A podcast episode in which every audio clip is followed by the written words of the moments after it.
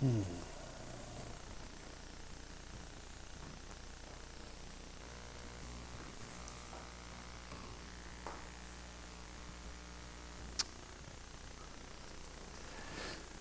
for eh, modigheten å spørre meg. Noen av dere har jo hørt meg undervise sammen med Agnes i en sammenheng i forhold til eh, samliv og den slags, men jeg tror ingen av dere har hørt meg forkynne før. Så det å spørre meg er jo ganske risky. Eh, så det er tydeligvis en menighet med mot. Det er veldig bra. Eh, du introduserte og sa at jeg har et spennende liv. Ja, Jeg syns faktisk egentlig det. Gud har velsigna meg med mange muligheter fått lov til å stå i forskjellige sammenhenger og eh, ja, fått lov til å oppleve Guds herlighet. Jeg kunne ha delt noe av det. Altså, men uh, Gud har lagt meg noe på hjertet som jeg tror er et budskap her, som gjør at jeg går vekk fra det som kanskje pleier å være mine eller i hvert fall pleier definitivt å være mine vanlige temaer å snakke om. Så det legger vi til side, så kan dere få muligheten til en annen gang. Uh, jeg tenker at eh, Noe av det jeg står i jobben, er jo noe som Gud har ledet meg inn i. altså Gjennom sykehuset og det jeg holder på med. At Gud har gitt meg nåde til å nå holde på med en doktorgrad. Men grunnen til at jeg står her, har jo ingenting med det å gjøre. Det er jo fordi at jeg, når jeg var 18 år, så møtte jeg Gud på en øy utenfor Göteborg. Radikal ting hvor jeg virkelig møtte Gud. Og da skjedde noe. Og etter da så har jeg ønsket å finne ut av hvordan i all verden kan jeg leve for Gud. da. Når han har gitt sitt liv for meg, som vi sang nå. Hva betyr det for meg? Hvordan ser Jesus ut på mandager, og ikke bare på søndager? Greit at han gikk på vannet den gangen, men hva gjør han i dag? Det har jeg vært opptatt av. Derfor er jeg også opptatt av livene våre, så jeg er opptatt av uh, Gud på mange måter. Eh, så er også det sånn, det, jeg skal eh, forkynne i dag, kan godt medføre at jeg aldri noen gang blir invitert hit i dag. Ja, her, her. Kanskje ikke noen andre plasser heller. Eh, det kan være. Så får det være sånn den siste gangen jeg taler. Det er greit nok. Eh, det er litt spesielt, eh, nemlig. For utgangspunktet så Ja, jeg er en forholdsvis busy mann. Og jeg har siste uke vært i Oslo, og så kom jeg hjem veldig seint på lørdagen, og så var det fullt kjør i går. Og så har vi Jeg går i Hellemyr misjonskirke. Eh, vi har ikke kommet så langt som dere at vi er ikke danna menighet ennå, men det skal vi snart bli. Men der møtes vi jo til gudstjeneste noen ganger, og noen ganger sånn som i dag, så møtes vi i hjemmene, sånn som dere skal senere. da, eh, neste gang det var for noe, Og ha middag sammen, så det skal vi ha middagsfest senere. Så jeg måtte tekste hjem til kona eller ringe henne og så høre jeg, du har vi noe på søndag formiddag, kan jeg takke ja til en taleforespørsel? Jeg fant ut, ja, de har et hull der, men har du tid til å forberede deg til dette, sa hun. Nei, men det, det går fint, tror jeg.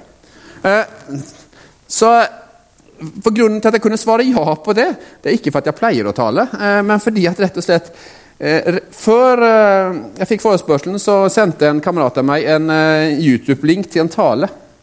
Og Hovedbudskapet den er ut fra Matteus 7, som er på en måte hovedgreia her i dag.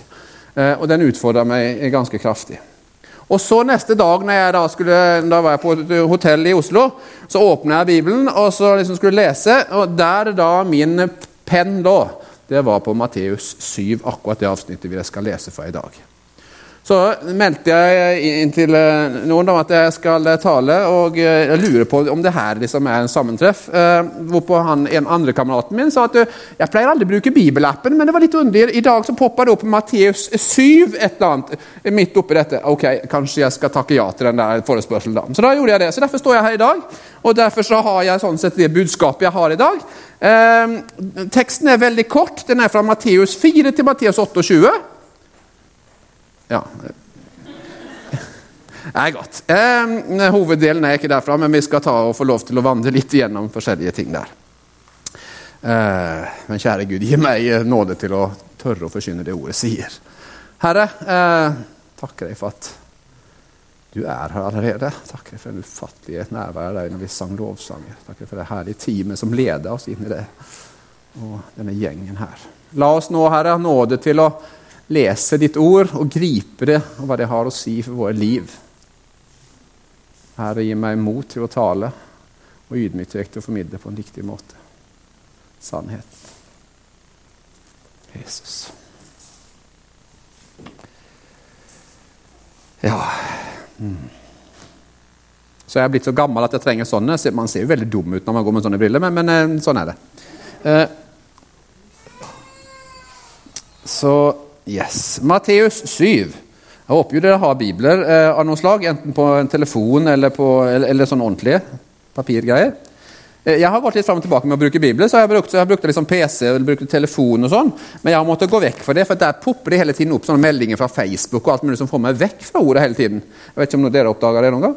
Nei, ingen andre? Nei, ok. Eh, så jeg måtte rett og slett slutte med å bruke den, der, den greia og bruke den her, for da kan jeg liksom stenge av faktisk de andre tingene, legge telefonen på kjøkkenet og sånn. Så. Eh, men eh, yes. Matteus 7, 13, så står det Gå inn gjennom den trange port.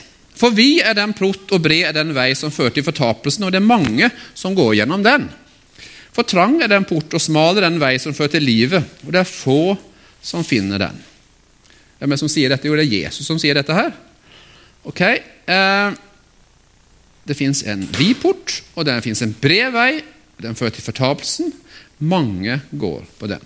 Så kan Vi da tenke på, ja, vi kan tenke mange i verden eller verdenshistorie, men vi kan også tenke i Norge. da. Vi er for så vidt et kristent land, skal vi jo på en måte være. Men hvis det er sånn at de mange går på den brede vei, så betyr det at de flesteparten i Norge går på en bred vei, som fører ikke til himmelen, men fører til evig fortapelse fra Gud. Det er ganske vilt. Og så står det at trang er den port. Og smal er den vei som fører til livet. Så kan man tenke ja, det er jo en ganske trang port det å komme inn eh, liksom, gi, Si nei til meg selv og så si ja til Jesus og overgi alt for å motta frelsen. Ja, men så står det ikke at veien etter det er brei. Som det er smal port og en brei vei. Det gjør jo ikke det. Det står at det faktisk etter det også er en smal vei. Hvordan i all verden kan det da ha seg at det ikke er noen forskjell på livene til de kristne og de ikke-kristne? Hvordan kan det være at det ikke er noen forskjell på våre liv som går på den smale vei, eller i hvert fall tror at vi gjør det, og de som går på den breie vei? Er det mulig? Det er hovedpoenget mitt i dag. Altså, ja, Det har vært hyggelig å kanskje snakke om noe annet, men det er det jeg opplever Gud har gitt meg. og Jeg har forklart litt om hvordan jeg på en måte fikk det, og dette er på en måte det jeg da har. Eh. Vokt, det står videre, da. Vokt dere for de falske profeter, de som kommer til dere i fåreklær, men som innvendig er rovlystne ulver. På fruktene skal dere, skal dere kjenne den. Kan vel noen sanke druer fra tornebusk eller fiken fra tistler? Slik bærer hvert godt tre god frukt, men et dårlig tre bærer dårlig frukt. Et godt tre kan ikke bære dårlig frukt, og et dårlig tre kan heller ikke bære god frukt. Hvert tre som ikke bærer god frukt, blir hogd ned og kastet på ilden. Nå snakker jo ikke Jesus om trær. Han gjør ikke det. Han snakker om mennesker, og ilden her er jo helvete. Vanskelig å si, nesten. altså. Derfor skal dere kjenne dem på fruktene. Ik og så videre. Ikke alle som sier til meg 'Herre, Herre', skal komme inn i himmelens rike, men den som gjør min himmelske Fars vilje. Mange skal si til meg på den dag 'Herre, Herre, har vi ikke profetert i ditt navn, drevet ut demoner i ditt navn, gjort mange kraftige gjerninger i ditt navn?' Hvilket gjør for utgangspunktet kanskje radikalt i dag, da, at vi driver med den slags. Um, så de har jo gjort en del, da. Men da skal jeg bekjenne for dem, jeg har aldri kjent dere. Gå bort fra meg, dere som driver med lovløshet. Derfor, vær den som hører disse mine ord og gjør etter dem. Han er som en klok bygningsmann.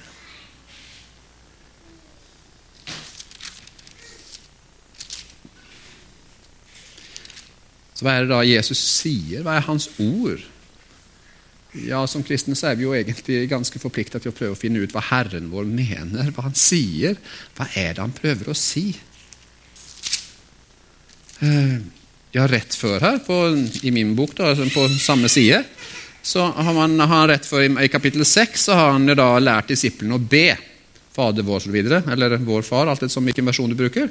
Eh, og så når han er ferdig med den og har sagt ammen, så eh, Det er liksom fra vers 9 til 13, eller Fader vår.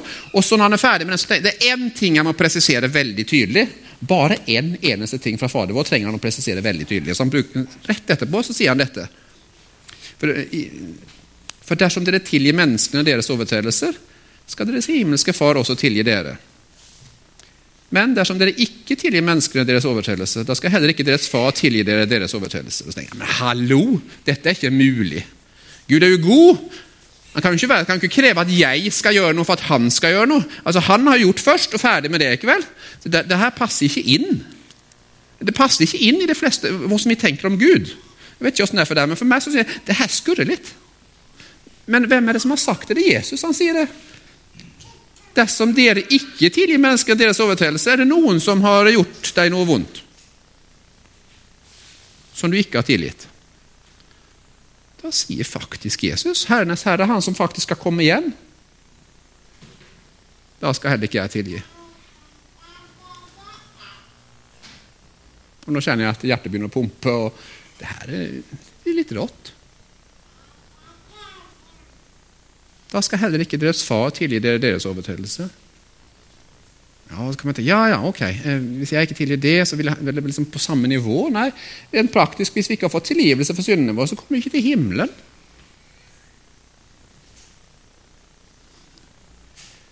Jeg skjønner at ingen sier ammen og halleluja nå, jeg forstår det. Men dette står faktisk i Bibelen, folkens. Eh,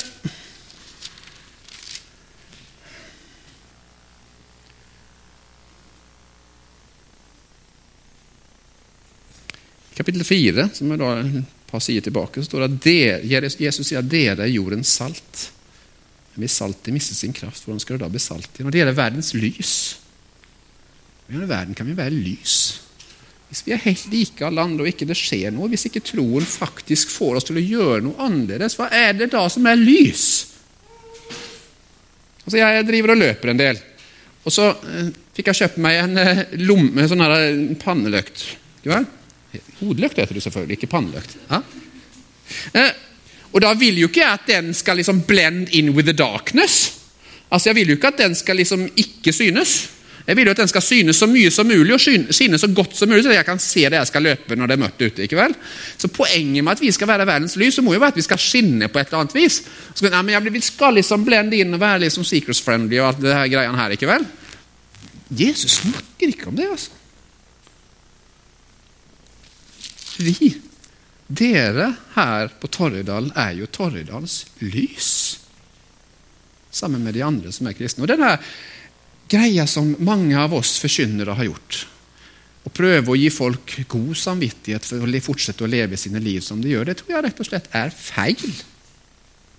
Jeg hørte for en stund siden en forkynner, en forkynner som sa at 'jeg vil aldri at folk skal sitte igjen med dårlig samvittighet når jeg er ferdig med å tale'. Ja, det var jo for så vidt fint. Det, så, sånn. Men det er jo helt grusomt. Altså, hvis, hvis, hvis, det, hvis, jeg lever på en måte som ikke er rett, hvis jeg ikke har mitt forhold rett med Gud, så skal noen si Nei, men du sa jo ja til Jesus for en stund siden, og det er jo fint. Ja, når jeg var 18, så overga jeg meg til Gud, men det betyr jo ikke at jeg lever et liv nå som er Kristus verdig. Hvis noen skal fortelle meg at nei, men du tok imot da, ja, jeg ble døpt også. Jeg ble døpt på Ansgar-skolen, det er ikke mange som har blitt. Men det har jeg blitt. Ja, jeg har jo til og med gått der, ja. Jeg har blitt utdanna pastor og misjonær i Misjonskirken Norge. Eller Misjonsforbundet heter det på den tiden. da, men... Så du må jo være en kristen. Det er jo ikke det det står om her. Før himmel og jord forgår, skal ikke et minste bokstav eller tøddel i loven forgå, eller forgå, for alt skal bli være opplyst. Så kommer Jesus. Videre er jeg i kapittel 5 nå, da. Eh, så sier han det er Jesus som sier det, ikke jeg som sier det. Stå i 5.21. Dere hørte det sagt, du skal ikke slå i hjel. For den som slår i hjel, blir skyldig for dommen.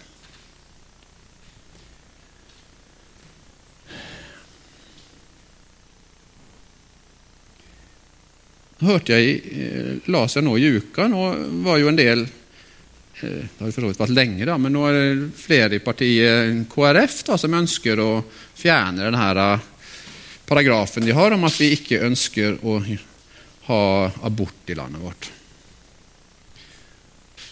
Eh, abort er jo den største drapsmaskinen vi har i landet vårt. Over 12 000 barn blir drept hvert eneste år i Norge. Det kan man jo ikke si lenger. Nei, Hvis jeg nå hadde stått her og hatt en SSHF, Sørlandet sykehus-logo på meg, så kunne jeg jo ikke ha sagt dette. Men nå er jeg ikke her fordi jeg jobber på Sørlandet sykehus, men jeg står her fordi jeg er sånn som dere, en tilgitt synder. Og forholder meg til Guds ord som sannhet. Og Der står det at hvert menneske blir skapt inni mors liv. Ikke det vi kommer ut. Uh. 12 380 barn mistet livet sitt i Norge i 2018. Og Hva er forskjellen egentlig med å gi gift til et barn så det dør, kontra å gi gift til meg så jeg dør? Hva er en big difference? Jeg kan ikke se det egentlig. Eh, nå er poenget mitt ikke å gi deg dårlig samvittighet hvis du har gjort noe sånt. Nei, det er det ikke. Men jeg ønsker å, for jeg, jeg tror på tilgivelse. Men jeg tror ikke på at man skal fortelle om tilgivelse og at det ikke fins synd. For Man trenger kun tilgivelse hvis det fins synd. Jesus hadde ikke gått opp på det korset og dødd på det korset hvis det ikke var noe vits med det. Og Vitsen med det er at vi lever liv, eller har levd liv som ikke er himmelen verdig. Men da må vi også snakke om hva som ikke er rett.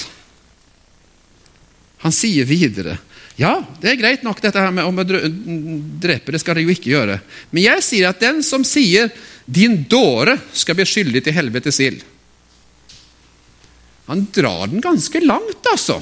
Og jeg må si at jeg har sittet i bilen min og kjørt i rundkjøringa i Kristiansand og sagt 'idiot' til den personen som har tusta til inn i den rundkjøringa. Eh, det er litt grovere enn dåre. Eh, ja, men det er ikke vel, Svein? Han sier det skal vi ikke gjøre, for da er du skyldig til helvetes ild. Så kan vi jo be om tilgivelse. Ja, det kan vi gjøre, så kan vi få den. Den er grei. Men vi må jo innse hvordan vi da skal leve livene vårt. Så går han videre.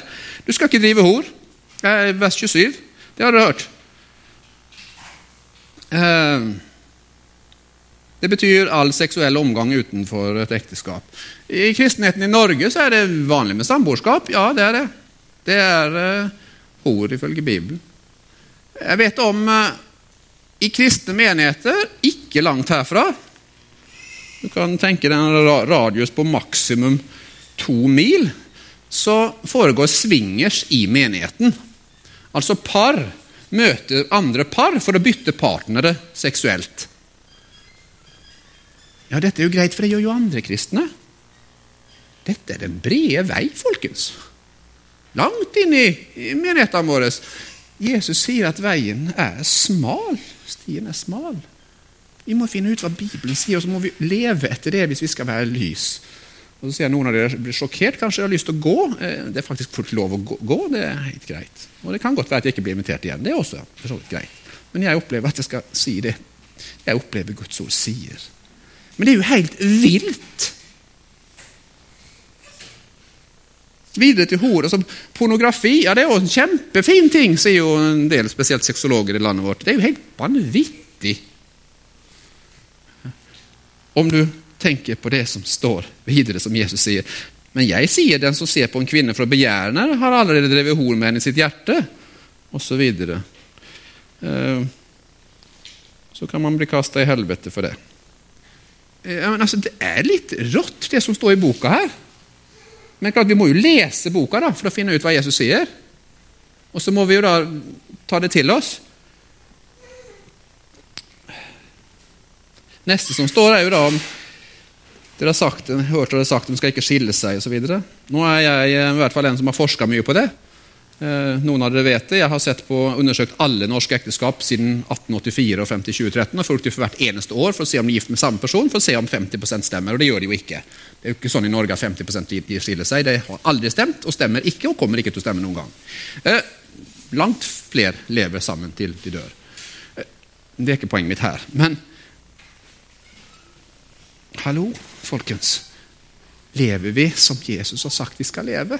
Eller korsfester vi ham på nytt med våre liv og prøver å gi hverandre god samvittighet? Nei, nei, nei, det er ikke så farlig. Jesus tilgir. Alt går greit. Bare fortsett, liksom. Han snakker jo om at treet skal kjennes på fruktene. Det var den neste biten jeg las i kveld. På eiendommen vi har, så har jeg morelltre. Et fantastisk godt tre som bringer nydelige moreller hvert år knallgod frukt. Jeg har også eh, haug med bjørnebær der. Jeg elsker bjørnebær. Men jeg elsker ikke disse buskene til bjørnebærene. De er sinnssykt stikkete og vokser ut i plenen og alt mulig sånn. Eh, men jeg vet jo det, at hvis jeg skal finne bjørnebær til høsten, så kan jeg ikke klippe ned alle bjørnebærbuskene. For jeg vet at på det greie kirsebærtreet eller morelltreet mitt, der finner jeg de ikke.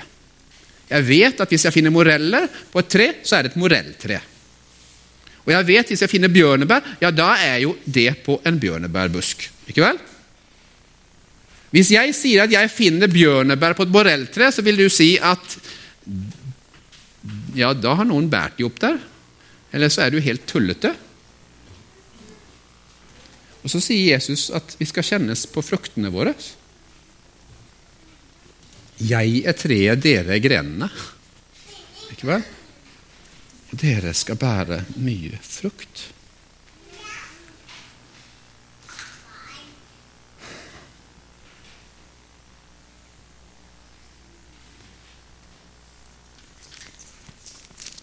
Ja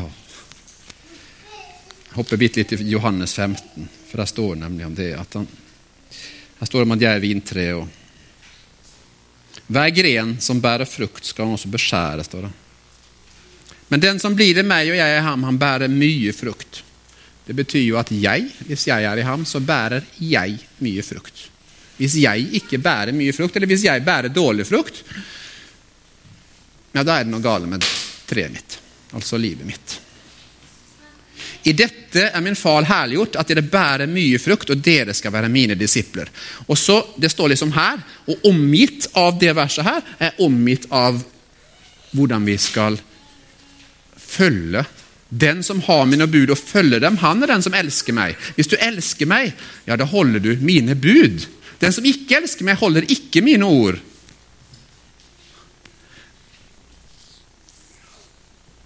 Dere er mine venner hvis dere gjør alt jeg befaler dere, og deres frukt skal vare. Så videre står det om her.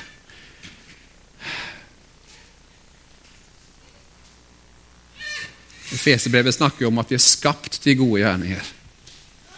Som er lagt ferdig for oss. Ferdig for deg. Ferdig for meg i dag. I morgen. På tirsdag, på onsdag, på torsdag. Lagt ferdig for at vi skal få lov til å leve de ut. Slik at vi kan få lov til å være lys bære frukt. Og Hele på en måte bildet dette inn i at Jesus sier at ja, men det er faktisk en dag jeg kommer igjen. Jeg vet ikke hvor ofte dere bruker trosbekjennelsen. I Hellemyr misjonskirke så bruker vi ikke den så veldig ofte, men av og til så har vi brukt den, og da er jeg nesten blitt sjokkert over hva det står. I Statskirken så leser de jo den hver eneste gudstjeneste. Jeg tror de fleste bare leser den uten å se hva det står. Eh, men der står det jo 'Kom igjen for å dømme levende og døde'.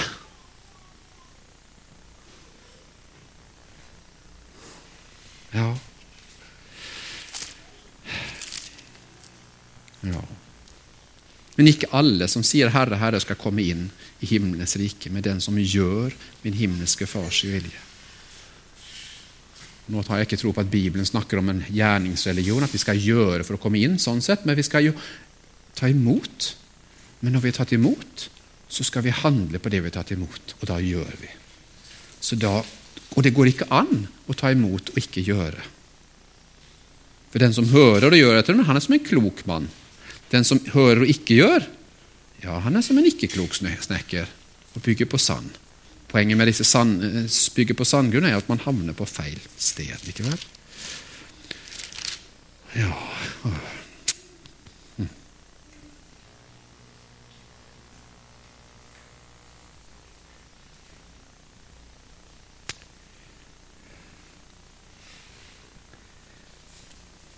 Jeg blar litt videre i Matteus, kapittel 10, vers 28.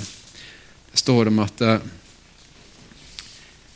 jeg forteller dere i mørket, skal dere tale i lys, og det som blir sagt dere i øret, skal dere forkynne på hustakene. Det er vers 27. 28 står Frykt ikke for dem som dreper legeme, altså det er mennesker, men som ikke kan drepe sjelen. Frykt heller ham som er i stand til å ødelegge både sjelen og legemet i helvete. Og hvem er ham her?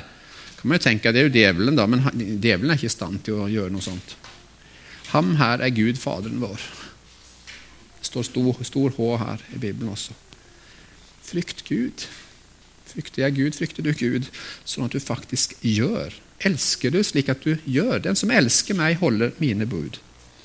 Derfor, den som bekjenner meg for mennesket, skal også jeg bekjenne for min far som er i himmelen. Men den som fornekter meg for mennesket, skal også jeg fornekte for min far i himmelen. Den dagen når Jesus kommer, og det skal være en dom eh, Ser du for deg at Jesus kommer og sier 'Ja, han er min, hun er min', ja, fint, kom inn.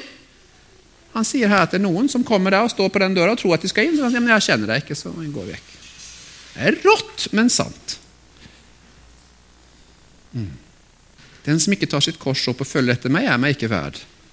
Den som finner sitt liv, skal miste det, og den som mister sin sjel for min skyld, ja, han skal finne det.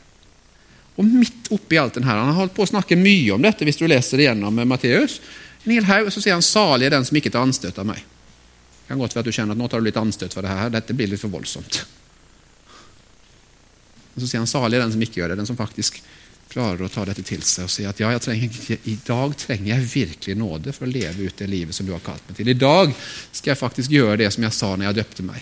Når jeg døpte meg, så sa jeg at ja, jeg sier nei til mitt liv. Jeg sier det skal dø, og jeg skal oppstå til et nytt menneske med Kristus som herre i livet mitt. Og det må vi si faktisk hver dag. Og Midt dette så sier Jesus, 'Kom til meg, alle som har tunge byrder', osv. Mitt åk er ganglig, og min byrde er lett. Ja, men helle tusen, De har jo akkurat lest om at det var ikke så spesielt lett. Men han sier at det er lett. Det er mye lettere. Og det fører faktisk til livet. Den som taler et ord mot menneskesønnen, altså Jesus, han får det tilgitt. Men den som taler et ord mot Den hellige ånd, skal ikke få det tilgitt. Det er ikke i denne tidsalder eller den som kommer. Det er mulig. Og så har mange drøfta hva det handler om. Men poenget her er at det er faktisk mulig å gjøre noen ting her og nå som aldri noensinne kan bli tilgitt. Det er ganske vilt, altså. Vi er evige skapninger skapt til å eksistere i en evighet. Videre står det enten må dere holde treet Nå er jeg i kapittel 12, vers 33, for de som følger med. Enten må dere holde treet for å være godt og frukten god, eller så må dere holde treet for å være dårlig og frukten dårlig. For tre kjennes på frukten. Han tar det om igjen og om igjen. Det er typisk hebraisk måte å formulere på. Hvis vi sier det igjen, så er det viktig. Så sier han videre, Jesus, vers 36, men jeg sier det at hvert unyttige ord et menneske taler, skal de avlegge regnskap for på dommens dag. For etter dine ord skal du bli kjent rettferdig, og etter dine ord skal du bli fordømt. Himmel og hav for en rettssak! Når hvert eneste ord Jeg er 50 nå da, og jeg har noen år igjen vil jeg tro, kanskje, for Jesus kommer. Det blir ganske mange ord som skal gås igjennom. Hvert unyttig ord. It's mind-blowing, for å bruke godt norsk ord. Så kommer han i kapittel 13 til lignelsen av såmannen, og himmel og hav. har holdt på i 27 minutter.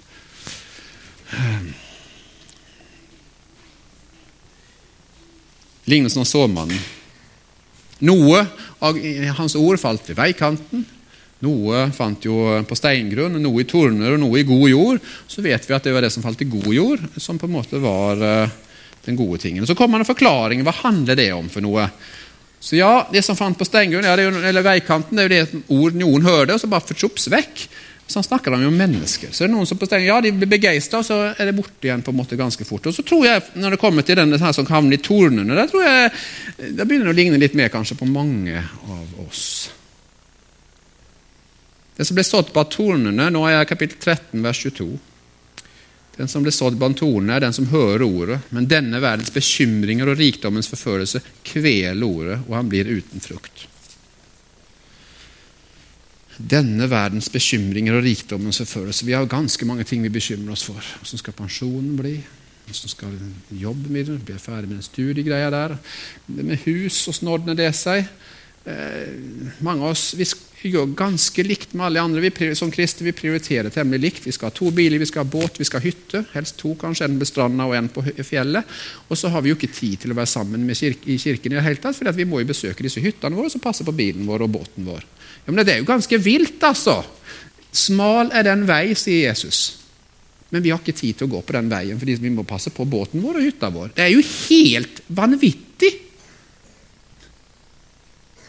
Og Så står jeg her og Ja da, jeg har to biler. Og jeg har hytte og jeg har et hus. Men hallo, folkens. Hører vi hva han sier til oss? Hva hører du hva du sier? Hva Gud sier, og hva du sier til han igjen?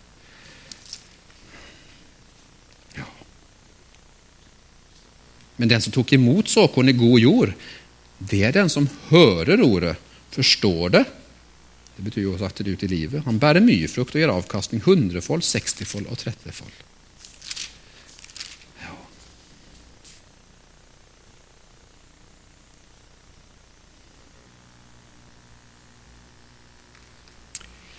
Bla litt fort videre. Eh, kapittel 16, vers 27. Jesus har undervist masse. For menneskesønnen skal komme med sin fars herlighet, med sine engler, og da skal han, skal han lønne enhver etter hans gjerninger. Har livene våre noe å si? Ja, det har noe å si i forhold til hvordan vi lever ut den troen vi har. Har vi en tro, så må den handles på.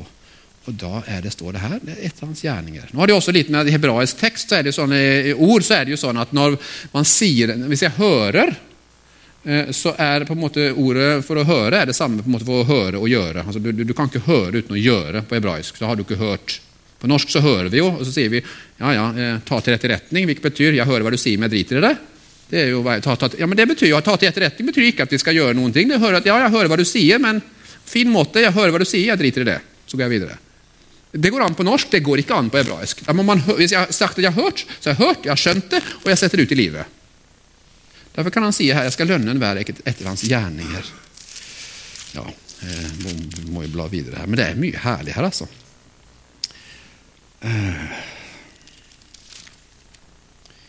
I kapittel 8 snakker han om en som ikke ville tilgi. altså Han fikk ettergitt ja, 10 millioner eller et eller annet sånt, 100 millioner kanskje. Og så hadde han en som eh, skyldte ham 100 denarer, hvilket er ca. 100 000 kroner, som ikke ville tilgi det. Jeg tenker, ja, ja, 100 000 kroner, Hvis noen skylder meg 100 000 kroner, vil jeg også hatt det igjen. Eh, men slutten på den lignelsen der er at Jesus sier at hans herre ble vred og overlot han til dem som torturerer, helt til han skulle betale alt han skyldte. Torturerer her handler jo selvfølgelig om helvete. Eh, slik skal også min himmelske far gjøre med dere dersom ikke hver eneste en av dere av sitt hjerte tilgir sin bror hans overtredelser. Kan komme her og lovsynge, men hvis det er sånn at vi har noen vi trenger å tilgi, da skulle vi heller gått hjem og gått og møtt en person som vi trenger å tilgi. for å gjøre det. Og så er det ikke så lett å tilgi. Vi kunne snakka mye om tilgivelse, og for meg har i noen tilfeller så har det tatt mange år å få det til. Det er ikke poenget mitt her. Poenget mitt her er er vi villige til å leve et liv som, som faktisk stemmer med det som står. Det er lettere for en kamel å komme gjennom et nåløye enn for en rik å komme inn i Guds rike. Vi er alle søkk rike, for vi bor i Norge. Uansett hvilken økonomi vi har, så er vi i verdens sammenheng søkk rike.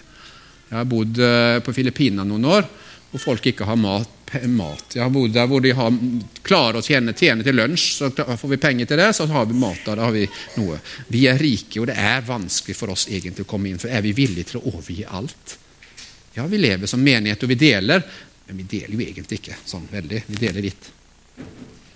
Ja.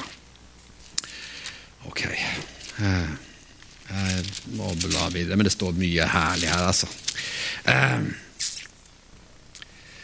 men jeg går mot landing. Eh, han sier i kapittel 25 Eh, der snakker han om eh, klok og uforstandig jomfru. Døren skal bli stengt. Han snakker i eh, vers 33 om at han, når Jesus kommer igjen, så skal han skille sauene til høyre og geitene til venstre. Og så sier han til de som da skal få lov til å komme inn Dere gav meg mat, jeg var tørst, og dere gav meg drikke.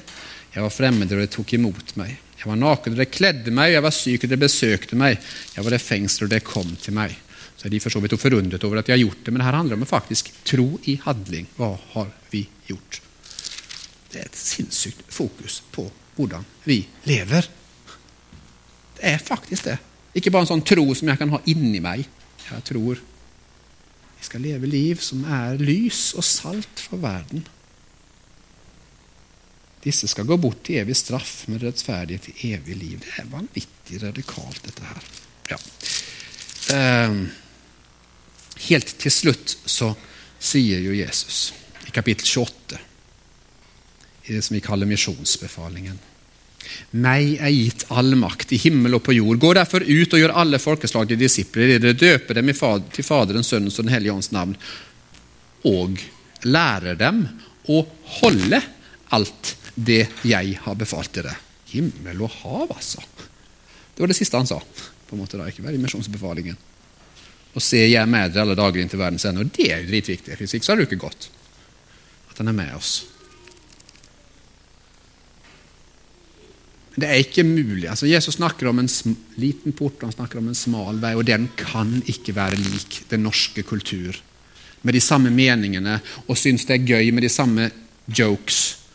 Det går ikke an, altså. Det er noe her vi må jobbe med. Det er det jeg opplevde at Gud la på hjertet mitt for dere i dag. Eh, for meg selv. Så kjære Gud, gi være nåde til oss. Men det skal jeg avslutte med en bønn, og så skal vi nok uh, synge hvis dere er i stand til å lede oss i en sang etter dette her. Herre, jeg takker deg for at du er her. Jeg takker deg, Jesus, for at du er konge. Jeg takker deg for at du døde på korset for alle våre synder, store som små. Herre,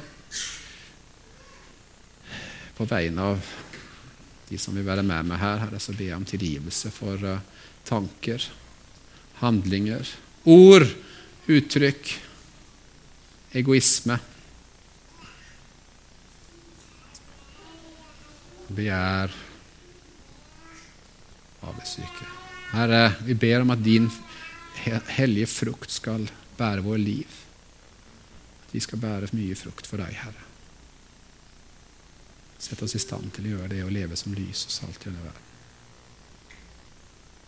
Herre, vi trenger deg. Jeg trenger deg. Takk for at vi kan komme til deg. Takk for at ennå så er det nådestid. Du kommer snart tilbake, men du er ikke ennå kommet tilbake. Jeg vil søke inn til deg i dag. I Jesu navn. Amen.